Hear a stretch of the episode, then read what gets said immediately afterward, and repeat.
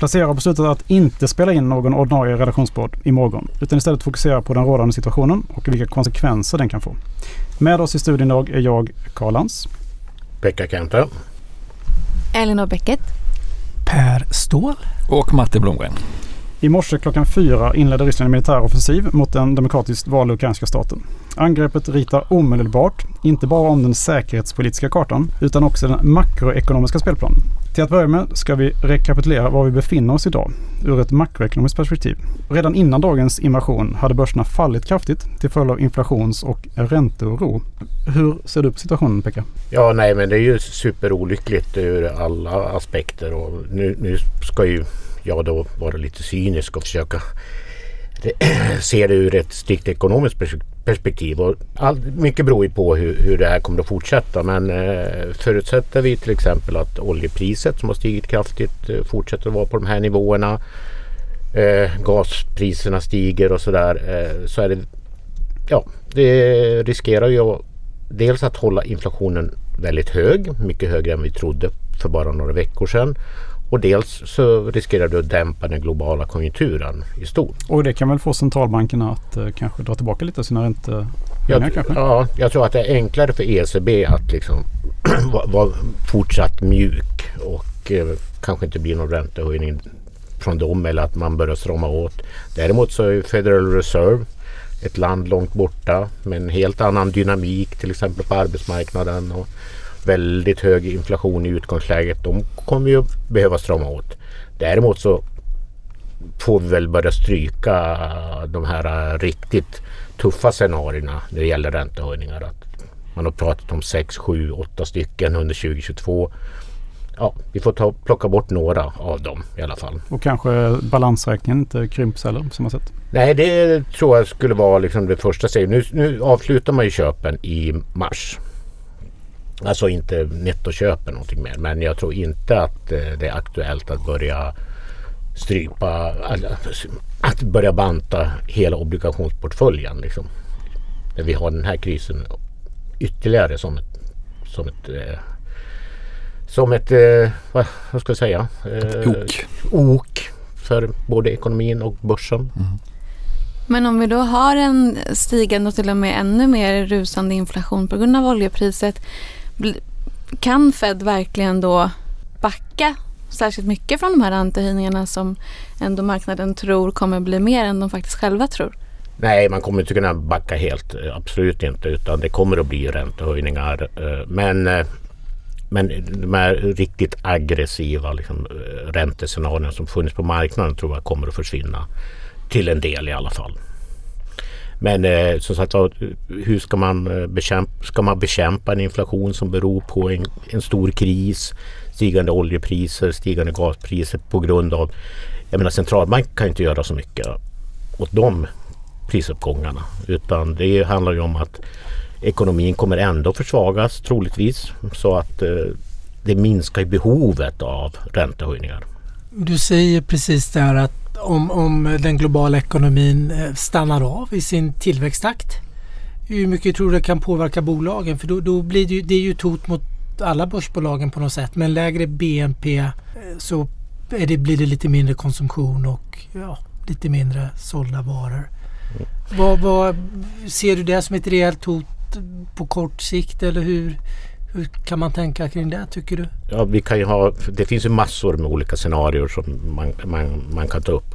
Och det värsta scenariot är ju att vi får en hög inflation som tvingar centralbanker att strama åt samtidigt som vi får en ekonomisk nedgång. Alltså ett stagflationsscenario. Liksom. Då, har vi ju, då finns det nog ganska mycket för börsen att tappa från, från det här läget. Å andra sidan blir den här krisen eh, så att säga begränsad i omfattning. Alltså att vi inte får se ett, ett liksom, ja, det är ju nästan ett fullskaligt krig men ni förstår vad jag menar. Mm. Liksom, att det inte, ja, då, då kan ju liksom det positiva scenariot är att centralbankerna backar från åtstramningar och att vi inte får en sån eh, stor dämpning av världs, i världsekonomin. Och det skulle ju kunna vara positivt för börsen. Hur, hur cyniskt den kan låta. Liksom. Men mm, Men, så det, men, men det, det, sen finns ju allting där mittemellan. Liksom. Hittills Beck, alltså, om man tittar på de här inköpschefsindexen så har de ju som jag förstått överraskat ganska positivt här i en bit in i februari. Så att den här upptrappningen verkar ju inte ha slått mot eh, ska man säga, förtroendet att konjunkturen ska hålla i sig. Men det kan naturligtvis gärna snabbt. Men, men hur, hur ser du på alltså in, att inköparna ändå är så positiva så här långt? Ja, men I västvärlden så har ju konjunkturutsikterna snarast förbättrats under senare tid. Mycket beror ju på att eh, covid-restriktionerna har börjat lättas och sådär. Det är ju ingen positiv effekt på börsen längre men ekonomiskt har det ju gett en positiv effekt. Så att vi var ju liksom i ett ganska, ganska bra konjunkturläge innan det här allting eskalerade. Eh, Stockholmsbörsen går ner ungefär 4 idag och handlas nu har under fallit med mer än 20 sedan årsskiftet. Så vi är ju inne i en så kallad björnmarknad nu. Mm. Frågan är ju om det kommer att uh, hålla i sig då. Om man ser liksom på hur börser brukar gå när det är, är stora konflikter så uh, historiskt sett så har ju nedgångarna varit väldigt korta. Det beror lite grann på hur, hur den makroekonomiska situationen ser ut innan då.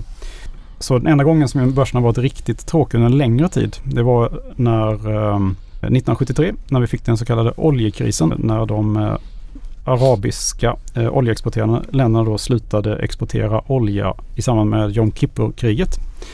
Då steg oljepriset med ungefär 300 procent på eh, några månader. Svettigt. Och då hade vi två stycken eh, väldigt tråkiga börsår. Så ur ett börsperspektiv kan man väl säga då att det, det eh, alltså om vi inte skulle få extremt störda, alltså om, om energipriserna ändå håller sig någonstans här så att säga så, så borde det förhoppningsvis blåsa över. Mm. Men vi får se. Ja, nej men det är ol, återigen olyckan. Det är ju att det är nu till exempel som energipriserna var tänkta att falla tillbaka. Ja. Det var nu det var tänkt att leveransproblemen skulle minska. Mm.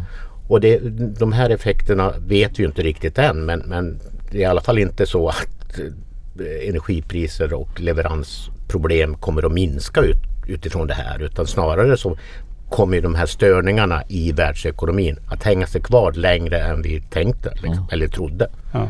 Samtidigt är ju då handeln med både Ryssland och Ukraina väldigt begränsad på bolagsnivå i alla fall. Mm. Martin, du har ju tittat lite på... Ja, ja, men så är det ju. Både i Ryssland och Ukraina så är det ju väldigt få av eh, de svenska börsbolagen som har någon stor verksamhet eller stor försäljningsexponering. Det är, om, om man tittar i, specifikt i Ukraina så är det väl eh, Medicover som vårdbolaget då, som har en hel del personal och ungefär 10% av omsättningen där. Eh, och G5 Entertainment har en del verksamhet där men, men i övrigt så är det inte jättemycket alls i Ukraina. Däremot i Ryssland så finns det ju ett, ett gäng bolag som har mycket exponering. De som sticker ut, som verkligen sticker ut är ju Ferronordic som är återförsäljare av maskiner till, eh, till Volvo framförallt. Och den har tappat väldigt mycket? De har tappat mycket redan innan och, de, och fortsätter naturligtvis ner idag. De har eh, ja, mellan 70-80 procent Ryssland beroende på hur man räknar då. Men eh, annars så det, de bolag som ändå har exponering så är det många som ligger på mellan 2 och 4 procent så att det är ingen stor del av försäljningen. Eh, utan det handlar ju framförallt om indirekta effekter som vi är inne på här på att råvarupriserna stiger, konjunkturen skulle kunna försämras, eh, det allmänna risk klimatet kan gå ner. Eller riskpremien går upp och riskviljan går ner. Så det, det är väl framförallt det vi ser nu. Eh, och sen så tycker jag en som kanske är tidigt att, eh, att spekulera redan nu men när det handlar om att tillgångsvärden som faller generellt så speciellt i en värld som är ganska högt, högt belånad på sina håll så, så kan det ju leda till försäljningar och eh, tvångsförsäljningar som man inte alltid på förhand kan lista ut var de finns beroende på att det kan vara finansiella kontrakt eller det kan vara lån som inte syns i balansräkningar eller som ligger, eh, ligger utanför. Så att, eh, det är ju också en risk att ju längre ett sånt här scenario med nedgång håller i sig desto fler kommer att tvingas att sälja fast man kanske inte ville det. Och, den, eh, och, vi, och vi kommer ju ändå in i det här med en ganska stor nedgång som du var inne på redan innan. Så att på sina håll så kommer vi nog att se en del sådana här så kallade margin calls på grund av det här. Mm.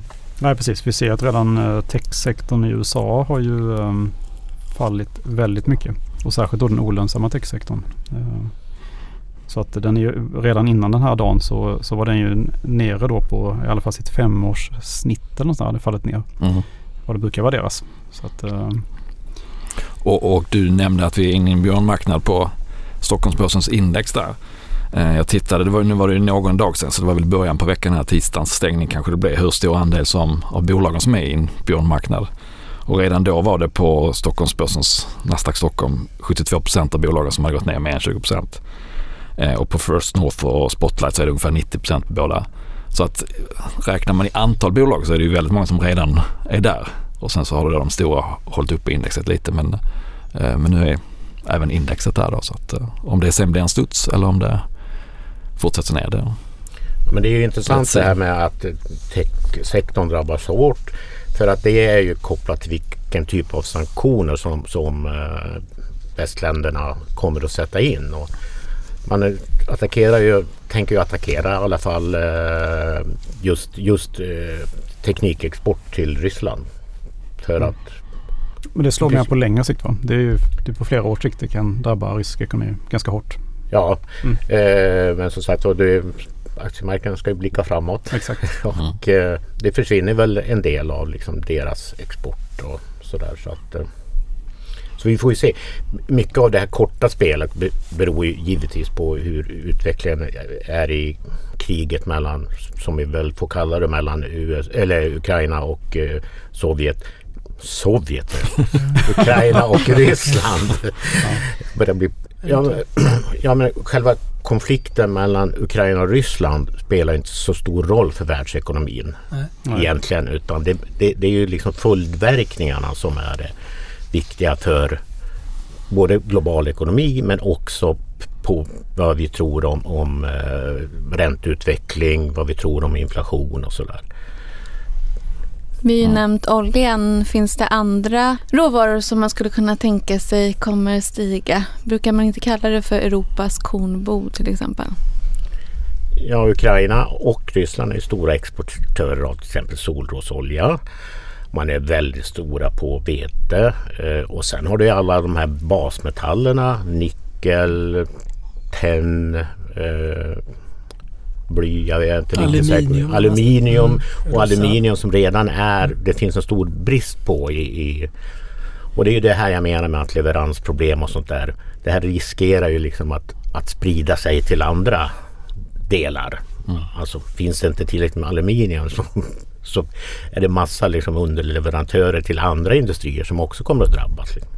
Ja, och det där är lite intressant. Jag tänker lite på den sammanställningen du har gjort. Du har gjort direkta ja, affärer Nordic säljer så. Jag tänker om det blir mycket de här sanktionerna som blir om man inte får sälja vissa varor. Eh, vi vet att våran inhemska industri är extremt gerad eller säljer extremt mycket till Tyskland. Tyskland är ju en det är ju en hyggligt stor handelspartner mm. mellan Ryssland och Tyskland. Den har blivit mycket mindre dock sedan 2014. Jo, men den är väl ändå på marginalen står det ju ändå för en viss del. Det är väl ändå kanske om nu globala konjunkturen sjunker och det blir mindre efterfrågan på dina varor så skär du bort mm. ytterligare en del då. Om sanktionerna skulle bli så pass tuffa så kan det ju drabba, tänker jag, mm. industrin. Jag såg att Trelleborg var ner jättemycket mm. idag. Jag har ingen aning om de vad de säljer i Ryssland exempelvis. Men... Ja, de gör till exempel traktordäck och sen mycket ja. som går till Ryssland vet jag inte men, men det är en bra poäng att, att den exponering man ser direkt antingen mot en geografisk region eller mot när man tittar på hur stor exponering har ett visst bolag mot fordon eller mot vad det är eh, tenderar ibland att underskatta hur mycket den riktiga exponeringen är därför att man kanske är underleverantör till ett bolag i Tyskland precis som du är inne på som i sin tur har en stor exponering. Så att det där är väldigt uh, ett, ett rejält jobb om man ska sätta sig in i hur den riktiga exponeringen ser ut. Och jag tror inte bolagen själva Nej. ens vet det. Men min poäng är att det skapar osäkerhet i sig. Jag förstår att marknaden handlar ner kanske både tech och Trelleborg eller vad det nu mm. må vara för bolag. Tycker man oförtjänt mycket.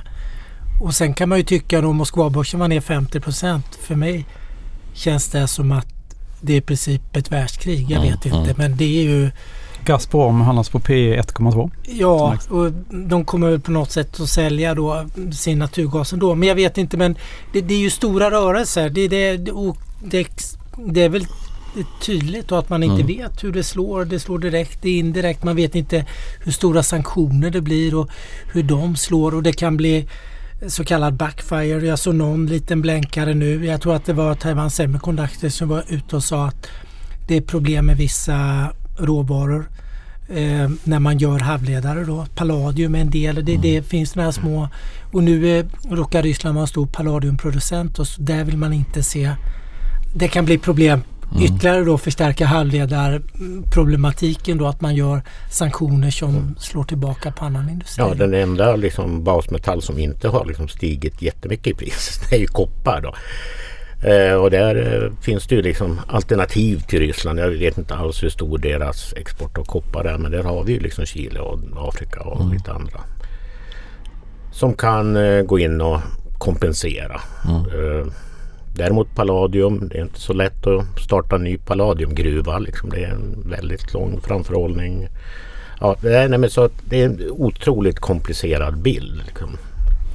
Och sen om man ser ut makroperspektiv. Att, alltså man säger ju att producentpriser inte har så stor påverkan på konsumentpriserna. Men när vi talar om producentpriser som stiger i en takt av 20-25 procent i årstakt. Så bara en liten del som spiller över till konsumentpriser kommer att betyda eh, att vi får en högre inflation. Samma, precis som Elinor var inne på, liksom, de är stora exportörer av vissa liksom, basvaror inom livsmedel. Det är också någonting som kommer att spela över på inflationen. Liksom. Så eh, centralbanken har ett jättedilemma här hur man ska hantera den här situationen. Ska man låta liksom, inflationen skena iväg eller ska man börja strama åt trots att man ser en ekonomi som ja, kanske dämpas och eh, hushållen blir väldigt pressade av dels en hög inflation och skulle kunna lägga på liksom, räntorna på det. Liksom. Så, mm. Men Pekka, redan innan eh, det här skedde så var ju eh, eh, konsumenternas eh, köplust hade ju redan eh, mattats av ordentligt i USA. Ja, nu, nu ska jag säga att man har varit ganska bra på att konsumera eh, trots att man har blivit surare och surare har liksom, blivit- som i humöret. och, eh, som jag läste i morse liksom att eh, i, i de, de hus, amerikanska hushåll som har liksom tappat humöret mest det är de som tjänar över 100 000 dollar om året. Liksom. Så, ja, det är svårtolkat. Eh, däremot så, så var ju tanken att vi vet att realinkomsterna, alltså inkomsterna när man rensar bort för inflationen, inte kommer att bli särskilt hög i år. Till och med negativ. Eh, men man har ju byggt upp ett väldigt stort sparande under, under eh, de senaste åren. Så att det var ju det som man skulle liksom börja konsumera nu då. Så vi får se hur man reagerar. Eh, mm. Den så kallade förmögenhetseffekten kan väl Ja, påverka precis. negativt. Eh, det är jag lite nervös för. Hur, hur liksom, Man känner hur sig det- fattig och då håller man igen Ja. på... Det är risk att man sparar ännu mer. Mm. Mm. Men eh, i värsta fall så då kan vi, kan vi alltså eh, tänka oss att tillväxten tar skada av det här också. Med allting. Ja, jag tänker då Karl, du är ju duktig på att göra sån här undersökande journalistik i olika marknader. Stagflationsmarknader har vi ju inte haft sådär jätteofta men de har ju kommit från tid till annan.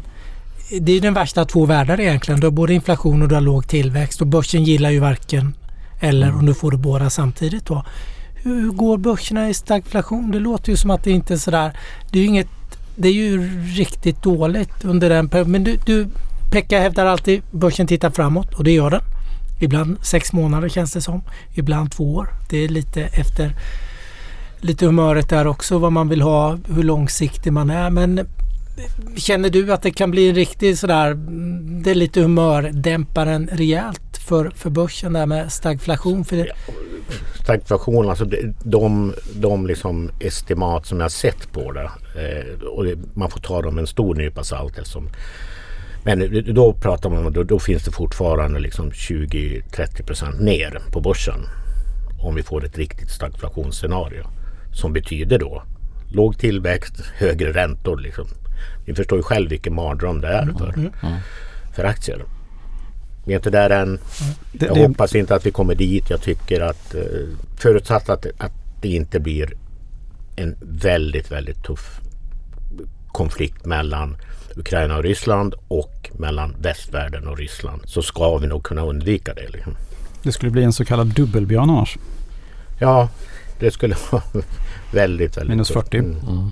Det hade vi faktiskt som mest under eh, coronakraschen faktiskt. Det var ju börsen nästan ner 40 procent. Mm. 38 var det som lägst. Sen är det ju, vi pratar om flödena varor och exponering men flödena från och till fonder är ju också något som påverkar hur, hur då priserna på aktier ser ut. Det är ju, I sådana här lägen blir det ju lätt efterfrågan och eh, utbud på aktierna kortsiktigt som styr snarare än kanske vinsterna på lite sikt. Och eh, blir det stora utflöden ur fonder så måste ju fondförvaltarna agera efter det oavsett om de tycker att det borde vara köpläge eller omvänt då säljläge när de får stora inflöden. Så att, eh, hur folk agerar här, förhoppningsvis har de flesta lite is i magen, eh, påverkar ju också hur eh, att det kan bli en självspelande eh, spiral. Men nu har ju då, i senaste Bofa var ju kassan större än någonsin hos fondförvaltarna, vilket är bra. Mm. För det gör att man kan, du får plocka ur kassan och börja med så att du inte behöver göra dumma försäljningar. Idag vill man ju egentligen inte sälja någonting för det, du får konstiga Nej. priser i mm. om det nu är Ferronordic eller Trelleborg eller Gazprom. Liksom. Mm. Det, det, det, är inte så mycket köpare där ute men det, det är en himla massa säljare. Liksom. Det är ju, det är ju liksom den, den värsta marknaden. Det är ju liksom, jag brukar skilja på när, när det är brist på köpare och när det finns mycket säljare. Mm. Och nu finns det tillfälligtvis mycket säljare. Ja. Om, om eh, man ska tolka liksom börsen lite positivt så är det ju så att skulle Putin då välja att, att uh, stoppa så tror jag att det finns väldigt mycket kapital som kommer att gå in mm. på börsen. Och det är ju så finansmarknaden fungerar. Liksom, att, uh, ja. Den är cynisk i mångt och mycket. Ja, men det... Den tar i alla fall inte mänskliga hänsyn på det sättet. Mm. Nej, det, det, så, så är det. Så har det alltid varit. Och, eh, ja, hade vi liksom tagit mänskliga hänsyn så hade väl börsen försvunnit någon gång. Då hade den inte funnits kvar. Nej, för, precis. Mm. Ja, men det handlar ju om att prissätta risk och prissätta framtida scenarier. Det, oavsett vad som händer i omvärlden. Det är inte konstigt alltså. Men jag tycker en, en, det är ju väldigt mycket som rör på sig en sån här dag, men en intressant spaning tycker jag är att guld då, precis som man hade kunnat förvänta sig, går upp medan många av kryptovalutorna faller. Vilket ju visar att de kanske inte är där, där många hade hoppats nu att det ska vara en, en säker hamn i orostider eller en tillgång som man då kan ta med sig om man tvingas eh, fly i ett krig. Utan eh, både bitcoin och ethereum och, och ett gäng av de andra faller ju rätt så kraftigt här. Så att det, det är snarare en risk, en tillgång som styrs av riskhumöret fortfarande än av eh, det är mer volatilt än börserna nästan va? Ja det är ju det. Och, det. och medan guldet går upp då när det är högre risk så tenderar ju de här att gå ner när det är högre risk fortfarande. Så att, eh, den situationen där det fungerar som, som det digitala guldet har vi ju, kan vi ju se idag att det inte ser ut att man är där nu i alla fall. Vad kan man säga om eh, valutorna då? Jag såg någonstans att det var någon som var ändå förvånad över att inte dollarn gick upp mer än vad den faktiskt har gjort. Vad säger du om det Pekka? Dollarn anses ju, eller ansågs redan innan det här vara väldigt, väldigt övervärderad. Så jag tror att eh, det är inte så attraktivt att, att liksom gå in tungt i dollar just nu. Att, klart man köper amerikanska obligationer, det är säkrast. Men eh, i och med att utgångsläget var så att vi hade en, en skyhög dollar redan innan. Så att eh, man har sökt sig till andra valutor. Schweizerfrancen, japanska yenen som alltid går bra. När de amerika- eller japanska mm. pensionsbolagen tar, ham- tar hem sina pengar som de alltid gör. Så det är liksom de valutorna som går. Alltså. Sen kommer ju dollarn att hålla sig stark genom hela krisscenariot. Liksom. Det, det inte om. Mm. Varför är kronan alltid så svag då i de här lägena? Ja, det är en liten valuta. Eh, dessutom så är det ju ett hårt tryck på grund av att eh, Riksbanken är, liksom, ligger väldigt sent ute. Väldigt mjuka besked. Vi har en utdelningssäsong som närmar sig. Det är säsongsmässigt svagt. Men, men liksom, idag så beror det ju på att alla skyr små valutor. Förutom schweizerfrancen som, som är egentligen en liten valuta. Men i valutahandel är den en stor valuta.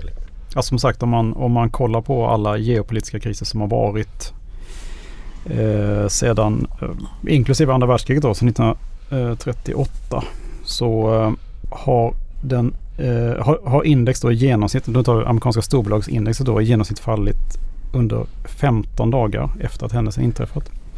Och den genomsnittliga nedgången summeras bara till 6 procent. Så att om man kollar då hur börsen går efteråt så eh, handlats upp med 6,5 procent respektive 13 procent. 3 och 12 månader efter händelserna. Så att eh, historien säger då att det här förmodligen inte är slutet för börsen. Mm. Utan eh, att någonstans i den här djupa krisen så finns det också ett köpläge. Ja, i och med att vi inte kan ta oss in i Vladimir Putins hjärna så vet vi väldigt lite om fortsättningen. Och, eh, det positiva scenariet då, det, är väl, det är väl att han hejdar sig. Eller att Ryssland hejdar sig nu. Och att eh, västvärlden inför någon sorts begränsade liksom, sanktioner mot Ryssland trots allt. Att man inte tar i med, med den riktigt stora släggan som tvingar i sin tur Ryssland att agera med sanktioner mot, eh, ja, till exempel på energiområdet. Och då, och då tror jag att börsen kanske kan lyfta liksom. Men vi måste liksom få klarhet i både den fortsatta krigsutvecklingen och vilka sanktioner som sätts in. Och, så, så länge jag inte vet det liksom så, så tänker i alla fall inte jag liksom chansa på att man får en uppstuds.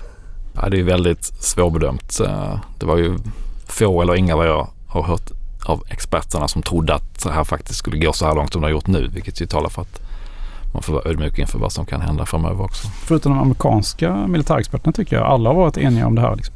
Alltså CIA och de här har ju verkligen... Ja, att de rustar för det men att det sen verkligen skulle hända är väl mm. få som verkligen har uh, vågat dra, dra mm. ut hela linjen. Men, mm, vi hoppas verkligen att det här uh, att det lugnar ner sig uh, så fort som möjligt på marken och fronter och att marknaderna kanske kan få ett tillfälle att återhämta sig också efter det.